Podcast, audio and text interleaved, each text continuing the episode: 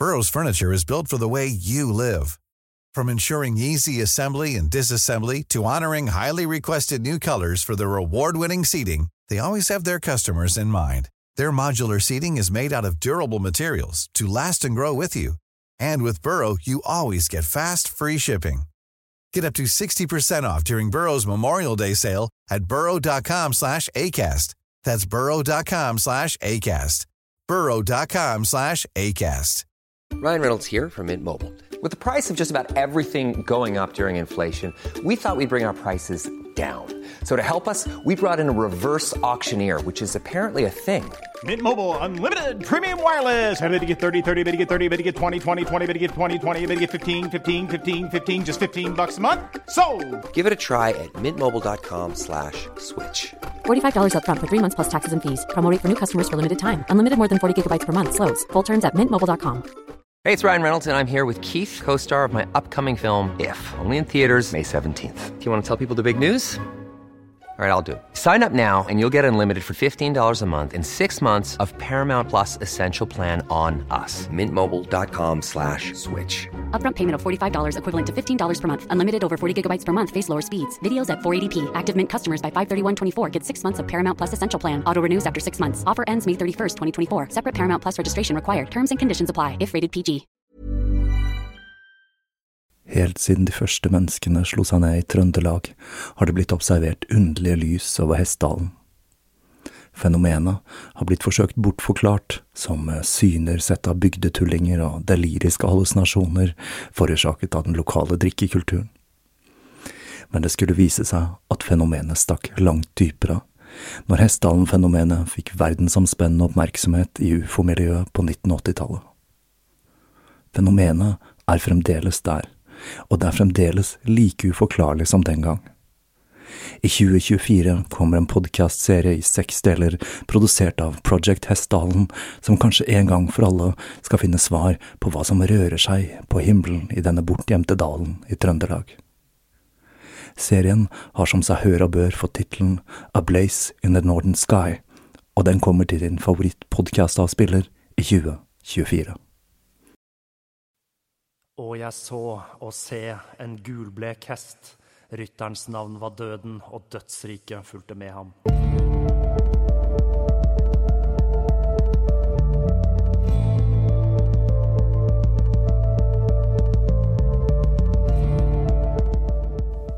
Hei og velkommen til eh, Tåkeprat. Jeg heter Even, og nå er vi da kommet helt til episode 41. Og når jeg tar opp denne, så er det da søndag den 1. oktober 2017. Og vi er nå på god vei inn i høsten, som er min favorittårstid. Før jeg setter i gang med denne episoden, så vil jeg gjøre oppmerksom på at eh, om du er hypokonder, så er kanskje ikke dette episoden for deg. Og om du ikke er det, så er det en viss fare for at du kan bli det innen jeg er ferdig med denne serien. Da jeg gikk på videregående, var det en flyktning som var elev ved skolen. Han hadde en slags lammelse i det ene beinet og måtte gå med stokk. Det var ikke før mange år senere at jeg forsto at han hadde hatt polio som liten. Som en som er privilegert, og som har vokst opp i et samfunn der vi sjelden blir konfrontert med dødelige sykdommer, og hvor døden er pakket bort til sykehus og begravelsebyrå, så er det lett å glemme at vi lever i en konstant krigføring med en usynlig fiende. Mikroorganismer som hele tiden muterer seg og åpner muligheten for nye og dødeligere superorganismer. Vi har klart å forsvare oss mot en rekke av de sykdommene som drepte og lemlestet våre forfedre. Sakte, men sikkert har et glemselens slør lagt seg over de lidelsene generasjonene før oss har måttet gå igjennom. Så fjernt er minnet om disse sykdommene at enkelte velger å la være å vaksinere barna sine, med det resultatet at sykdommer som meslinger igjen begynner å bre om seg i den vestlige verden. Feil bruk av antibiotika, både med tanke på mennesker og overdreven og unødvendig bruk i industrielt landbruk, har ført til at vi er i ferd med å miste overtaket i en krigføring mot en armé som aldri gir opp, og som alltid utvikler nye og dødeligere våpen. Så langt i tåkeprat så har vi sett hvordan sykdomsutbrudd var en del av hverdagen i store deler av historien. I denne serien så skal vi se på selve sykdommene og forsøke å komme til bunns i hva vi står ovenfor, og hvilke lidelser våre forfedre ble utsatt for. Jeg tenker å legge opp denne serien på følgende måte. Først skal jeg se litt på historikken, oppdagelsen av og historien til organismene som forårsaker sykdom. Så skal jeg ta for meg de store sykdommene som tuberkulose, malaria og svartedauden, samt noen mer eksotiske og skrekkelige eksempler. Til slutt skal jeg ta for meg biologisk krigføring, og jeg skal se litt på den galskapen som red verden under den kalde krigen, og hva vi står overfor i dag med en ny bioteknologi og en stadig mer globalisert hverdag. Så dette blir en forholdsvis urovekkende serie, for dette er da et tema som berører oss alle, og som representerer en faktisk mulighet for et apokalyptisk Walking Dead-lignende scenario.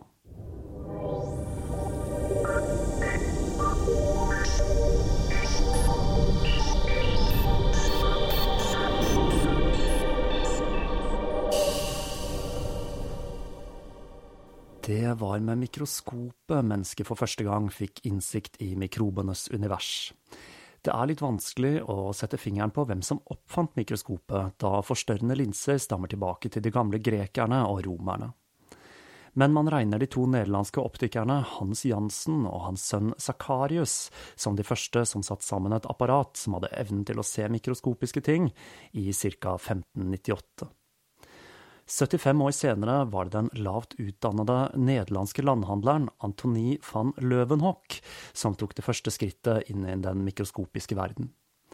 Han slipte linser og konstruerte 247 mikroskoper som kunne forstørre 270 ganger. Og han brukte disse til å forstørre alt som tenkes kan, som insekter, avføring, sæd, vann fra vanndammer, råtten mat, plakk fra tenner osv. Han var det første mennesket som så sædceller, blodceller, protozoer og bakterier. Han så en eventyrlig verden der noen skapninger gled gjennom væsken han studerte, mens andre sto i ro og noen tok saltomortaler. Noen var runde og andre var lange eller spiralformede. Protozoer det var da en tidlig betegnelse på en gruppe encellede organismer. Det er da disse du så i mikroskopet i biologitimen på skolen.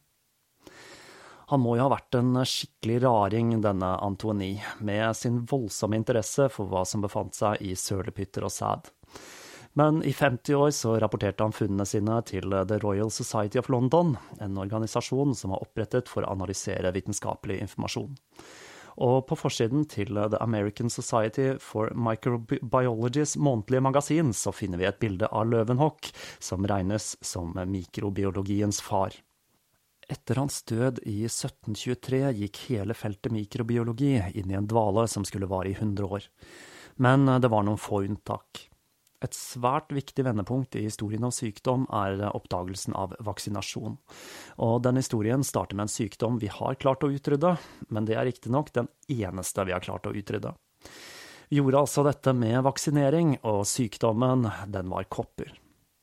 Dette er en forferdelig sykdom jeg kommer til å beskrive i detalj senere i denne serien, men for å tegne et bilde av hvor omfattende og ødeleggende denne sykdommen var, så kan du tenke på at 500 millioner mennesker døde av kopper fra 1900 til 1980.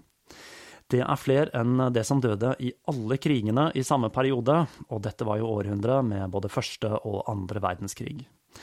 Tygg litt på den. 500 millioner mennesker, altså. Det fantes en prosedyre som var kjent som variolasjon, eh, fra det latinske ordet for kopper, variola. Denne metoden hadde oppstått da man så at personer som overlevde sykdommen, ble immune. Så tidlig som i år 1000 så utførte kinesiske leger hva de kalte å så kopper. Det de gjorde, var å skrape av skorper fra personer med en mild variant av kopper, og få pasienter til å inhalere dette pulveret gjennom et strå. I andre kulturer skar legene kutt i pasienten og masserte kopperpulveret inn i såret. Dette var en metode som ble svært populær og spredte seg i alle samfunnslag. Men det var et problem med denne metoden, for selv om den varianten av kopper som ble brukt i dette pulveret, hadde vært en mild variant i personen det kom fra, så kunne det vise seg at dette var en langt mer potent variant i personen som mottok denne primitive formen for vaksine. Mange ble vansiret, blindet og døde som en følge av denne prosedyren. Men det forhindret ikke populariteten til denne metoden. Frykten for kopper var større enn den høyst reelle frykten for dødelige bivirkninger, stikk i strid med hvordan mange i dag tilnærmer seg vaksinering. Det er få ting som er så effektivt som massedød for å gjøre folk oppmerksomme på at man trenger å handle. Det store gjennombruddet det kom da ei budeie ble undersøkt av en kirurg. Her har vi da igjen det tvilsomme begrepet kirurg fra 1700-tallet. Han her blir da i det minste ikke omtalt som en barberkirurg. Han het eh, Edward Jenner og bodde i Glutchershire i England. Da Jenner antydet at hun hadde kopper, sa den selvsikre budeia, jeg kan ikke få kopper, for jeg har hatt eh, kukopper. Kukopper er en sykdom som rammer buskap og smitter til mennesker. Den forårsaker ubehag som feber, kvalme og smertefulle sår på henda, men den er altså ikke dødelig som sin mer kjente fetter. Det var et kjent kjerringråd at den som hadde hatt kukopper, ikke kunne få kopper. Leger så på dette kjerringrådet som overtro, men ikke Jenner. Han hadde en så sterk tro på at det var en sammenheng mellom kukopper og immunitet mot kopper, at han i 1789 eksperimenterte på sin ti måneder gamle sønn. Vi finner mye frisk eksperimentering i tidlig legevitenskap. Denne Jenner må enten ha hatt en klippefast tro på at han hadde rett, eller lite til overs for sin egen sønn. Han smittet nemlig gutten med kukopper, og en stund senere så utsatte han gutten for koppesmitte. Han ble ikke syk. Han hadde utviklet immunitet, og Jenner han slapp å leve med å ha tatt livet av sin egen sønn. Men her er det en liten sidenote. Sønnen ble sykelig og vokste opp med nedsatte sjelsevner, og han døde i en alder av 21 år av tuberkulose. Og det er blitt spekulert i om dette skyldtes en sekundær eksponering for kopperviruset. Det skulle gå syv år før Jenner utførte eksperimentet som skulle redde millioner av liv, og som for første og siste gang i menneskehetens historie skulle utrydde en sykdom. Jenner fjernet materialet fra et kukoppisår på ei budeie som het Sara Nelms, og skrapte dette inn i armen på fattiggutten James Phipps. Syv uker senere så utsatte han Phipps for koppesmitte, men ingenting skjedde. Han fortsatte å utsette Phipps for koppesmitte i løpet av de neste 25 årene, men han ble altså ikke syk. Prosedyren med å injisere materie fra kukopper i en person så personen utviklet immunitet, ble kalt vaksinasjon, etter det latinske ordet vacca, som betyr ku. Jeg mener vacca ku på spansk, og det kan vel stemme. Jenners oppdagelse førte altså til at det siste naturlige utbruddet av kopper fant sted i Somalia i 1977. Menneskeheten hadde vunnet sitt første slag i krigen mot mikroorganismene. Men selv om kopper ble utryddet fra naturen, så fins fremdeles viruset. Det ligger i dvale i Center for Disease Control and Prevention, eller CDC, i Atlanta, Georgia. Og i det statlige senter for virologi og bioteknologi, Vektor, i Kosovo i Russland. Så muligheten for at denne sykdommen igjen skal kunne spre seg i en befolkning som nå ikke lenger er immune, er fortsatt i stedet. Dette er et eh, moralsk dilemma. Skal vi ta vare på dette viruset for å kunne fremstille en eventuelt vaksine, eller skal vi ødelegge det slik at det ikke kan brukes til fremstilling av biologiske våpen? Historien om vaksiner og deres utvikling er lang og omfattende, og jeg har ikke tenkt å dykke ned i den, da den ikke er relevant for å kunne fortelle den historien.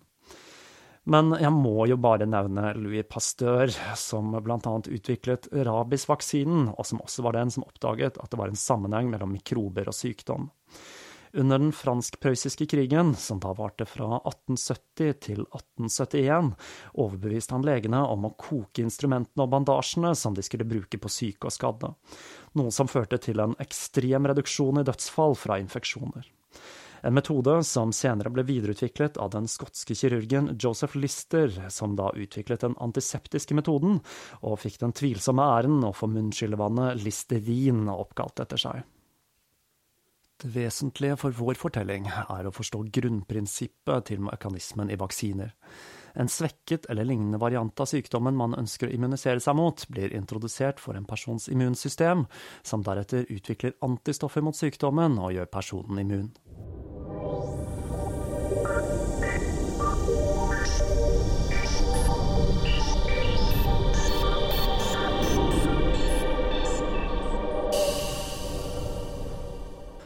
Oppdagelsen av sammenhengen mellom mikroorganismer og sykdom var ikke helt uten kontroverser, og den førte til en rekke konflikter. Jeg har da valgt å ta med mitt favoritteksempel på dette. En historie mange av dere sikkert har hørt fra før. Den er nemlig spesielt godt kjent i Norge, da Jens Bjørneboe skrev et skuespill i 1968, Semmelweis, om denne historien. Dette er en skikkelig god påminnelse om hvordan hovmod kan seire over logisk tenkning, og jeg har gledet meg til å selv kunne fortelle denne perlen av en historie fra legevitenskapen.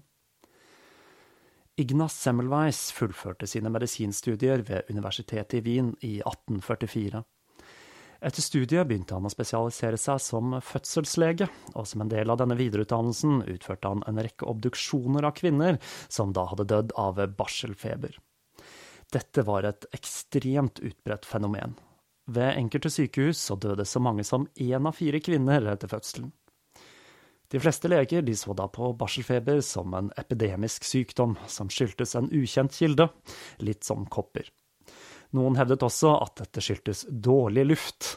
Dette med dårlig luft det var en ganske vanlig forklaring på hva som forårsaket sykdom. Semmelweis han la derimot merke til noe urovekkende. Ved sykehuset i Wien døde det 6000-8000 mødre ved de avdelingene der fødselsleger og medisinstudenter hjalp til med fødselen. I tilsvarende avdelinger der jordmødre gjorde den samme jobben, var tallet 60. Og ved hjemmefødsel så var tallet tilnærmet null.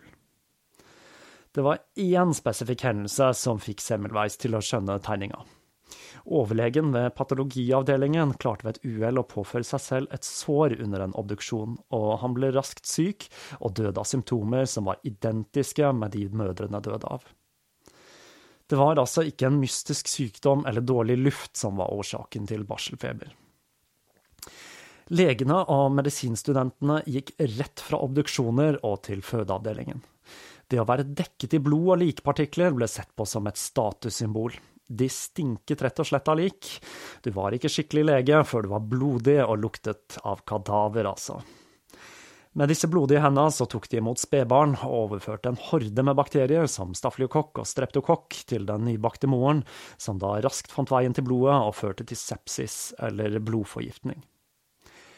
Når han innså denne sammenhengen, så fikk Semmelweis legene til å vaske hendene i en løsning av klor og vann til de ikke lenger kunne kjenne liklukt og resultatet var oppsiktsvekkende.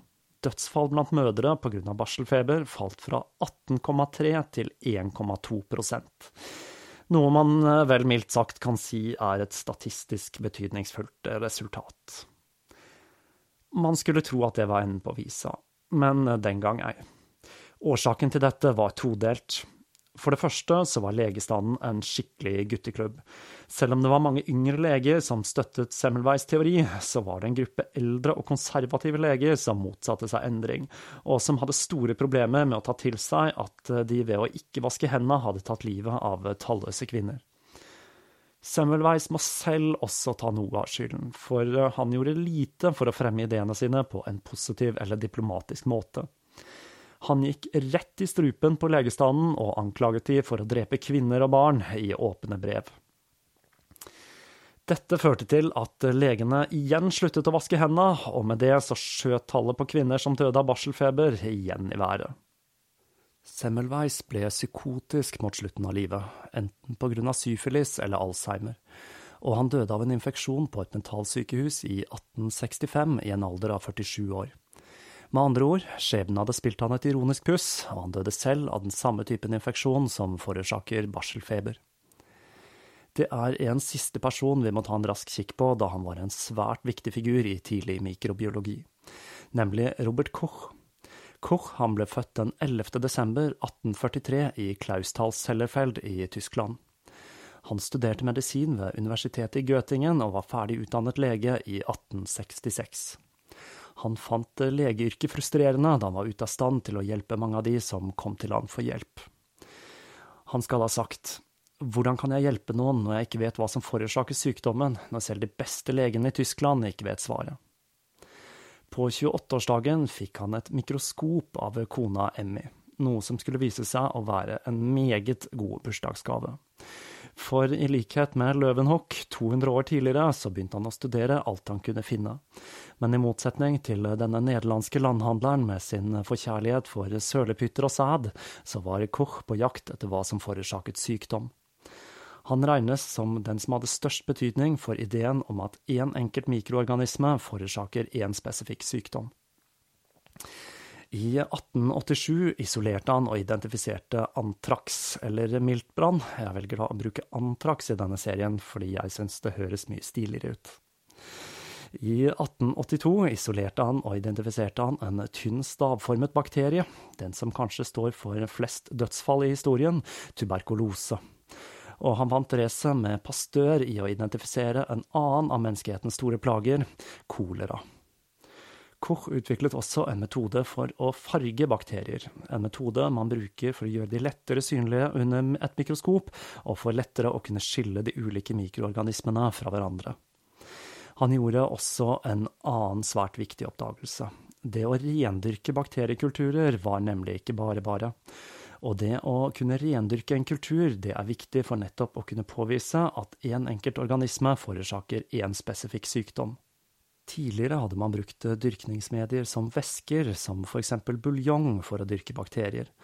Men Cook han oppdaget ved en tilfeldighet at en halvkokt potet han hadde liggende på laboratoriet, begynte å få noen merkelige vekster.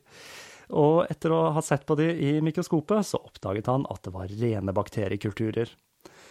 Jeg har litt det inntrykket at eh, mange av de store oppdagelsene i mikrobiologi skyldes eh, slurvete laboratorier og tilfeldigheter.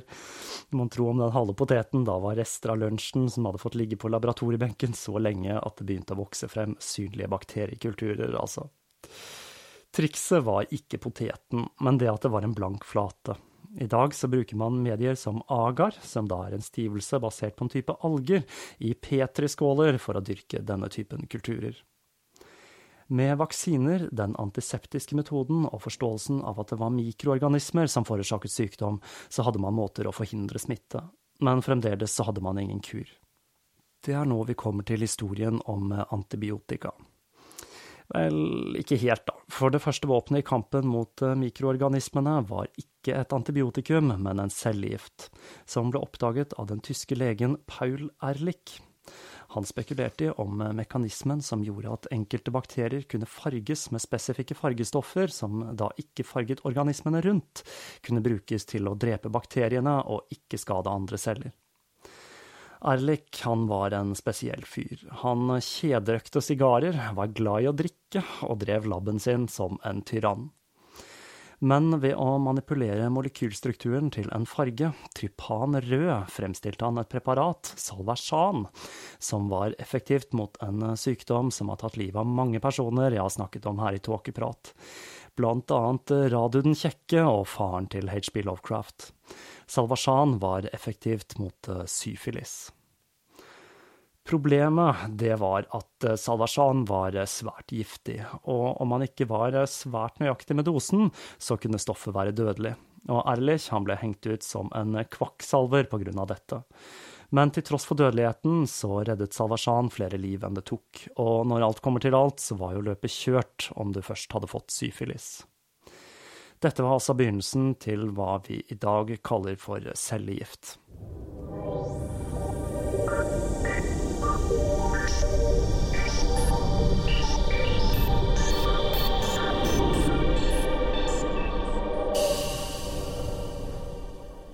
Historien til antibiotika starter med René som var en mikrobiolog som forsket på jord.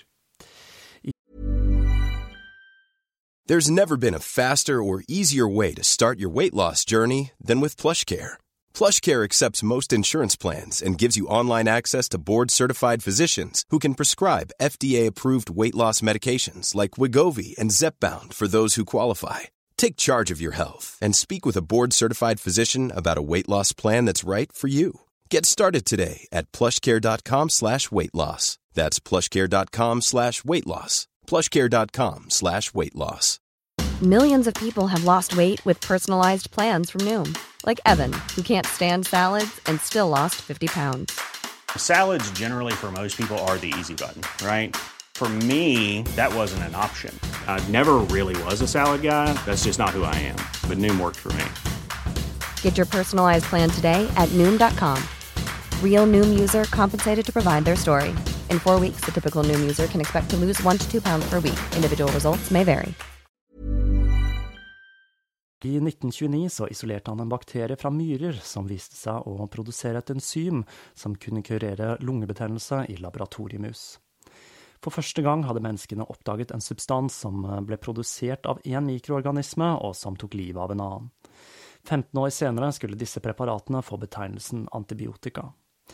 I dag blir denne betegnelsen brukt langt bredere og inkluderer syntetiske og halvsyntetiske preparater, noe som gjør skillet mellom cellegift og antibiotika noe utflytende. Men det de fleste forbinder med antibiotika, er nok oppdagelsen til Alexander Flemming, som i sitt rotete laboratorie i 1928 oppdaget at det var vokst mugg på en av petriskålene med stafylokokke, og rundt muggen så var staffen død.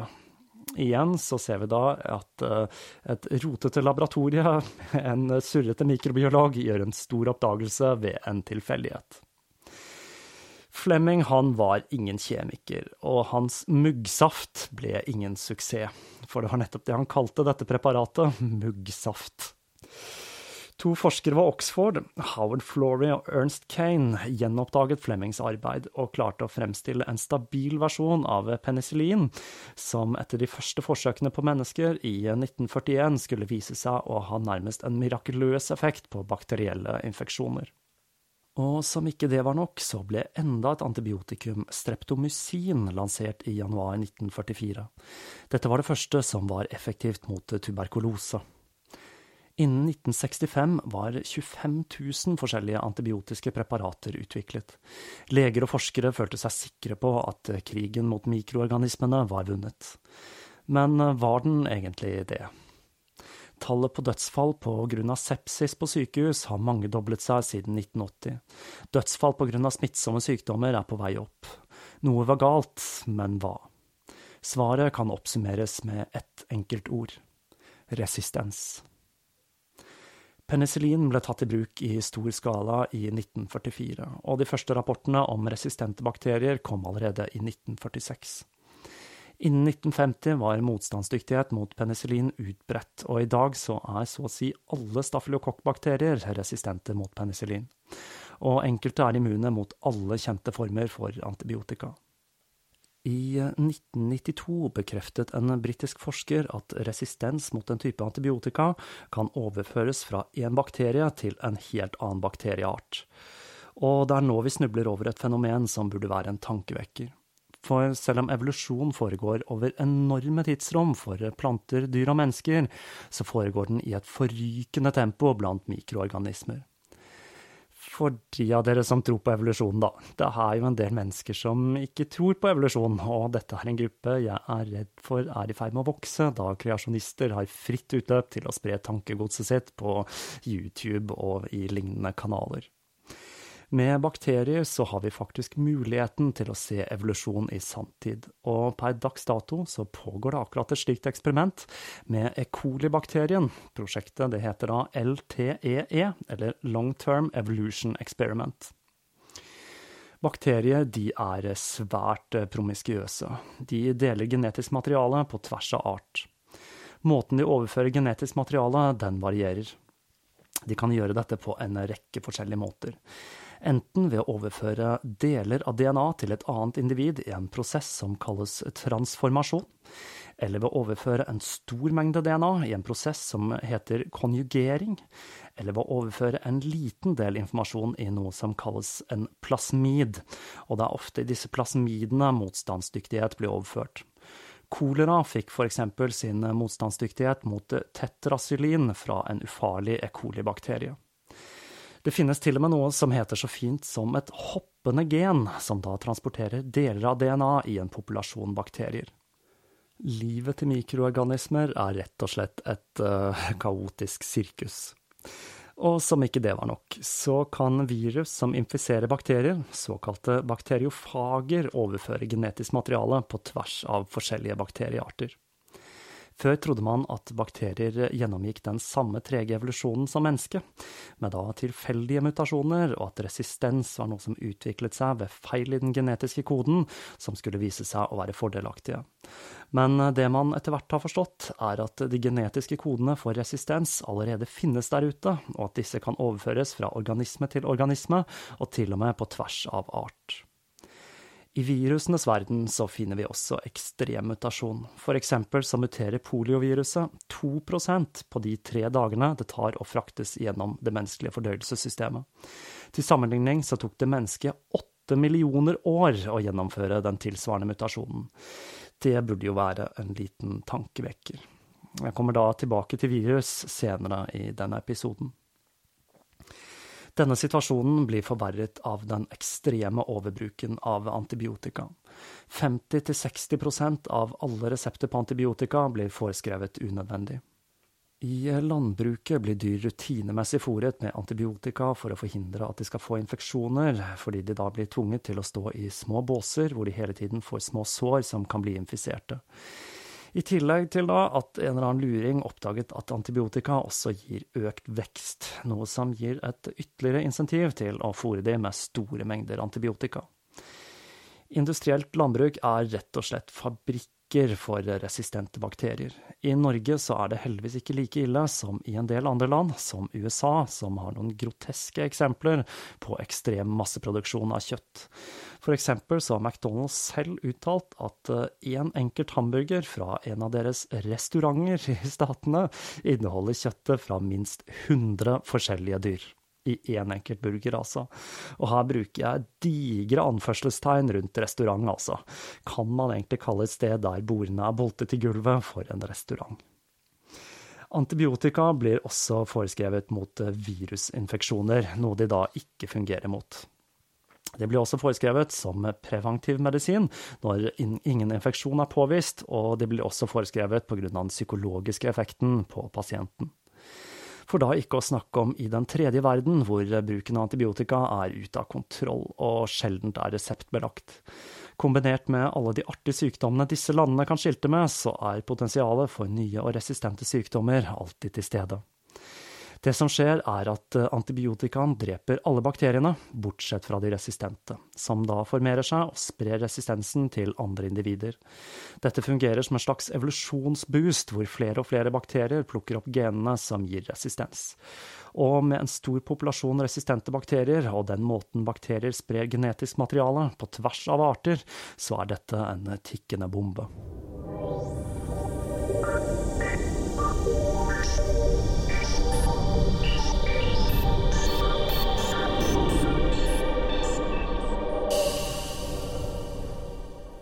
Det er flere organismer som kan forårsake smittsomme og dødelige sykdommer.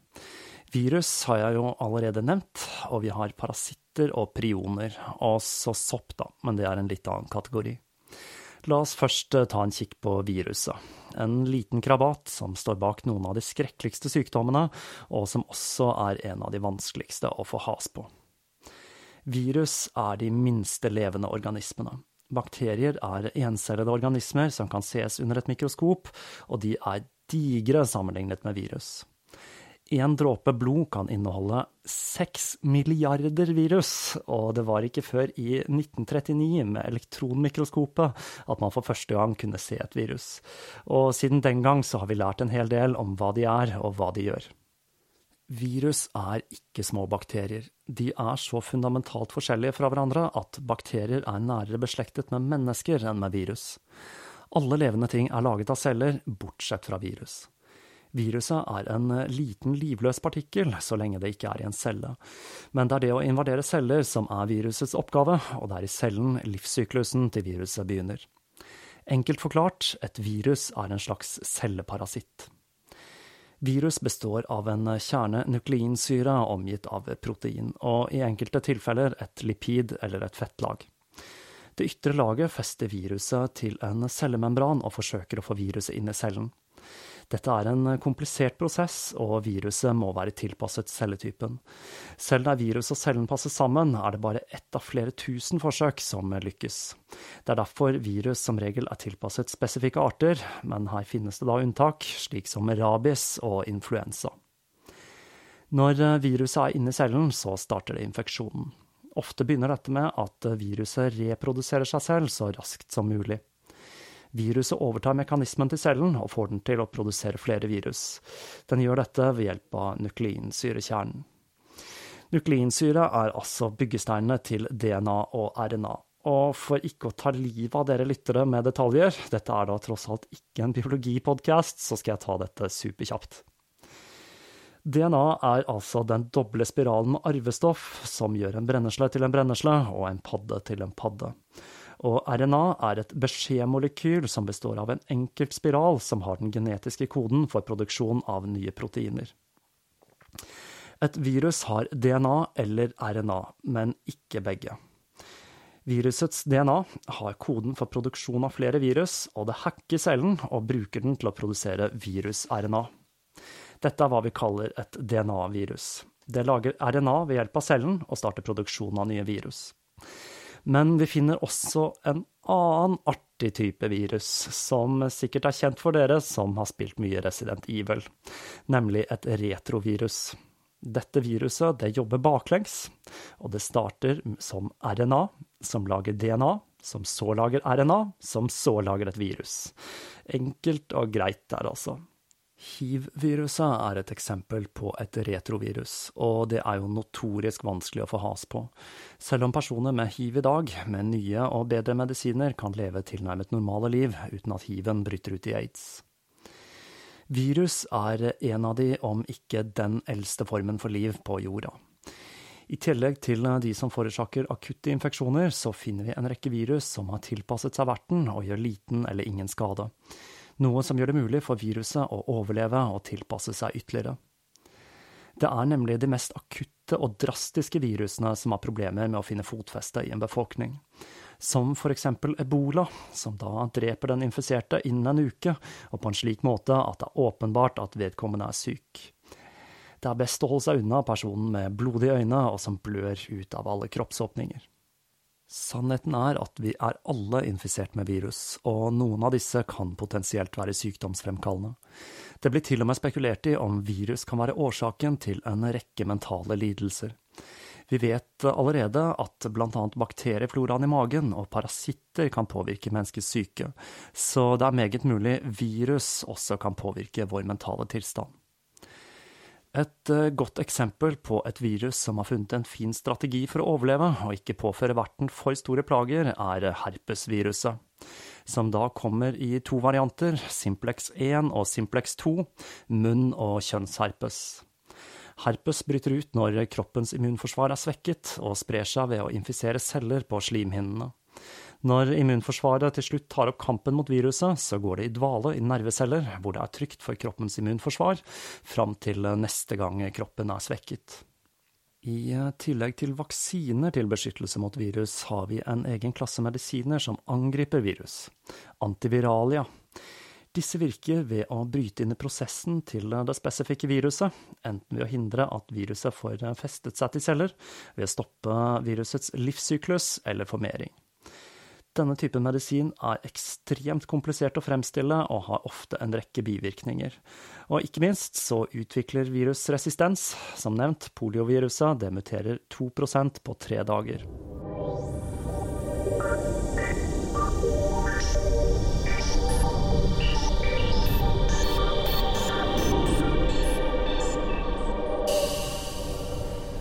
Mens vi holder på med de aller minste, så skal vi se på en eh, skikkelig merkelig, bitte liten partikkel, nemlig prionet.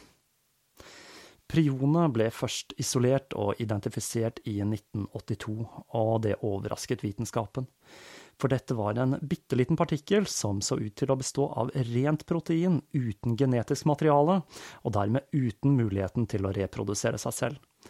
Men prionet var uten tvil smittsomt, og det forårsaker en rekke sykdommer som gjør hjernen til en sveitserost, dvs. Si full av hull.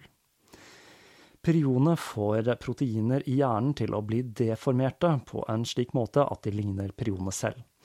Og dette fører til en kjedereaksjon, der de deformerte proteinene konverterer naboproteinet, osv. Enzymene som vanligvis skal bryte ned disse proteinene når det ikke lenger trengs, kjenner ikke igjen den nye formen, og får ikke byttet ut disse. Når nok proteiner har blitt endret, så starter sykdomsutbruddet. Prioner står bak en rekke sykdommer forbundet med kannibalisme, som på Papua Ny-Guinea, hvor de innfødte hadde den lekre tradisjonen med å spise hjernen til sine nylig avdøde slektninger, og hvor de da ble rammet av kuru, som er en prionsykdom som har ført til at denne tradisjonen nå er opphørt. Prioner er også årsaken til kugalskap, eller Kreutzfeldt-Jacobs syndrom, som hadde, vi hadde et utbrudd av i England i 1992. Det skyldtes at man fòret kyr med kyr, som da hadde kugalskap, og prionene ble overført til mennesker som spiste kjøttet. Det er jo litt vanskelig å ikke tenke at dette er naturens måte å si at kannibalisme ikke er ok på. Til slutt så har vi altså parasitter. Dette er flercellede organismer som ormer og lignende. Disse forårsaker da noen av de mest guffende sykdommene som vi finner der ute. Og vi finner annet en rekke skrekkelige eksempler på dette i den tredje verden. Som ikter, som er en type flatorm som annet fører til blodig urin. Denne parasitten den er så utbredt i enkelte afrikanske land at den blodige urinen regnes som en form for mannlig menstruasjon, og er en del av hverdagslivet. Malaria er nok den parasitten som har stått for flest dødsfall, og jeg kommer til å ta for meg malaria i neste episode. Og så har vi soppen, da. Mm, ikke så mye en sykdom som en slags parasitt, men sopp tilhører jo sitt eget rike. Den er verken dyr eller plante, men nærere beslektet med dyre- enn planteriket. Fra skrittsopp til fotsopp så trives soppen der kroppens naturlige immunforsvar eller bakterieflora er svekket. I tilfeller der personer har et svært svekket immunforsvar, kan sopp representere livsfare. Og der er vi i dag. Vi har ikke vunnet krigen mot sykdommene, men eh, vi er i en slags våpenhvile. Flere og flere bakterier blir resistente mot de formene for antibiotika vi har, og utviklingen av nye typer ligger langt etter utviklingen til bakteriene.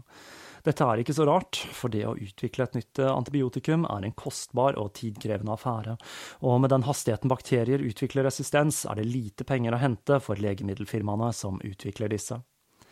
Denne våpenhvilen har også gjort at vi har glemt de lidelsene disse mikroorganismene påførte, i en tid hvor et lite kutt kunne føre til en massiv infeksjon og død.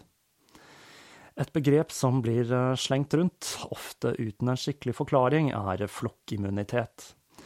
I en befolkning vil det alltid være noen individer som enten har et så svekket immunforsvar at de ikke kan vaksineres, eller er allergiske mot den aktuelle vaksinen. Ved å vaksinere hele befolkningen som kan vaksineres, beskytter man individene som ikke kan vaksineres. Men det er en ting til som gjør flokkimmunitet ekstremt viktig, noe dere sikkert har skjønt etter denne episoden. Man begrenser muligheten for mutasjon og immunitet. Med den ekstreme mutasjonsraten til bakterier og virus er det ikke ønskelig at disse organismene skal snappe til seg arvemateriale fra fredelige mikrober vi lever i harmoni med, slik at de kan bruke disse genetiske kodene som en trojansk hest for å skape nye, mer smittsomme, resistente og dødeligere infeksjoner. I tillegg til religiøse bevegelser som ikke vil vaksinere barna sine, som Christian Scientists og Steinerbevegelsen, så er det en voksende gruppe som ser på vaksinering som en konspirasjon. Her vil jeg faktisk komme med et lite forsvar av den siste gruppen. I hvert fall et veldig lite et. Ikke alle vaksiner er nødvendige, og det er alltid forbundet en viss risiko med vaksinering. Helsemyndighetene bør utvise aktsomhet med hvilke vaksiner de innfører i det offentlige vaksinasjonsprogrammet. Etter antrax sirkulerte som et hvitt pulver i konvolutter i USA i 2001, ble ansatte ved postkontor tilbudt en antrax-vaksine. De fleste nektet å vaksinere seg, og med god grunn. Dette er en vaksine som har en rekke bivirkninger, og hvor risikoen for å få noen av disse var høyere enn risikoen for å bli utsatt for antrax. Jeg lever ikke i den villfarelsen av at legemiddelindustrien er altruistisk. Da ville de jo pumpet ut nye antibiotikum til tross for manglende fortjeneste eller tap. Unødvendig vaksinering gir konspirasjonsteoretikere vann på mølla og undergraver viktigheten av vaksinering. Men hva som er og ikke er nødvendig, det overlater jeg til klokere hoder enn mitt eget, og da tenker jeg på forskere, mikrobiologer osv., ikke konspirasjonsteoretikere og politikere. Ingenting er sort-hvitt, men når det er sagt, så er vaksiner et av de viktigste våpnene vi har i kampen mot smittsomme sykdommer, et som har vært så effektivt at vi ironisk nok har glemt hvorfor vi i det hele tatt tar de. Det er mye spennende bioteknologi som er under utvikling, og det kan hende at vi med eksempel genmanipulasjonsteknologi, som CRISPR, kan få nye våpen i kampen mot mikrobene. Men vi må ikke glemme at krigen ikke er vunnet, det er kun en midlertidig våpenhvile.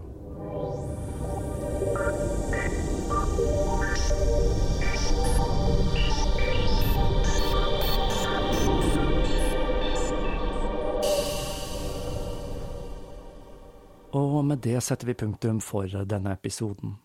Jeg håper jeg har klart å tegne et bilde av eh, hvor vi er i vår forståelse av hva som forårsaker smittsomme sykdommer, og hvilke virkemidler vi har til disposisjon for å holde disse i sjakk. Jeg håper også jeg har klart å fortelle dette på en ikke så altfor tørr måte, men har du kommet så langt som til hit i denne episoden, så er det vel et tegn på at jeg har lykkes med akkurat dette. Jeg følte det var viktig å gå gjennom denne historien for å kunne dekke de temaene jeg har tenkt å ta for meg i de to neste delene i denne serien. I neste episode skal jeg altså se på sykdommene som har vært med oss siden tidenes morgen. Vi skal kikke litt på disse sykdommene som dukker opp igjen og igjen her i Tåkeprat, som svartedauden, syfilis og dysenteri. Og det er vel ingen overraskelse at dette kommer til å bli en ganske guffen episode. Igjen så vil jeg oppfordre til å skrive en liten anmeldelse og rate Tåkeprat i iTunes. Jeg vil også oppfordre til å følge og dele Tåkeprat på sosiale medier.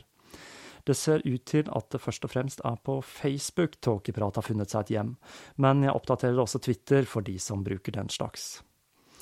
Instagram-kontoen som det er linket til fra hjemmesiden, er min personlige, men det er også den jeg bruker til tåkeprat, rett og slett for enkelhets skyld. Da jeg i disse dager stort sett bruker sosiale medier til tåkeprat, så syns jeg det er greit å slippe å sjonglere med to Instagram-kontoer. Og med det så er det bare å nyte denne fine årstiden, og fram til neste episode så gjenstår det bare å si på gjenhør.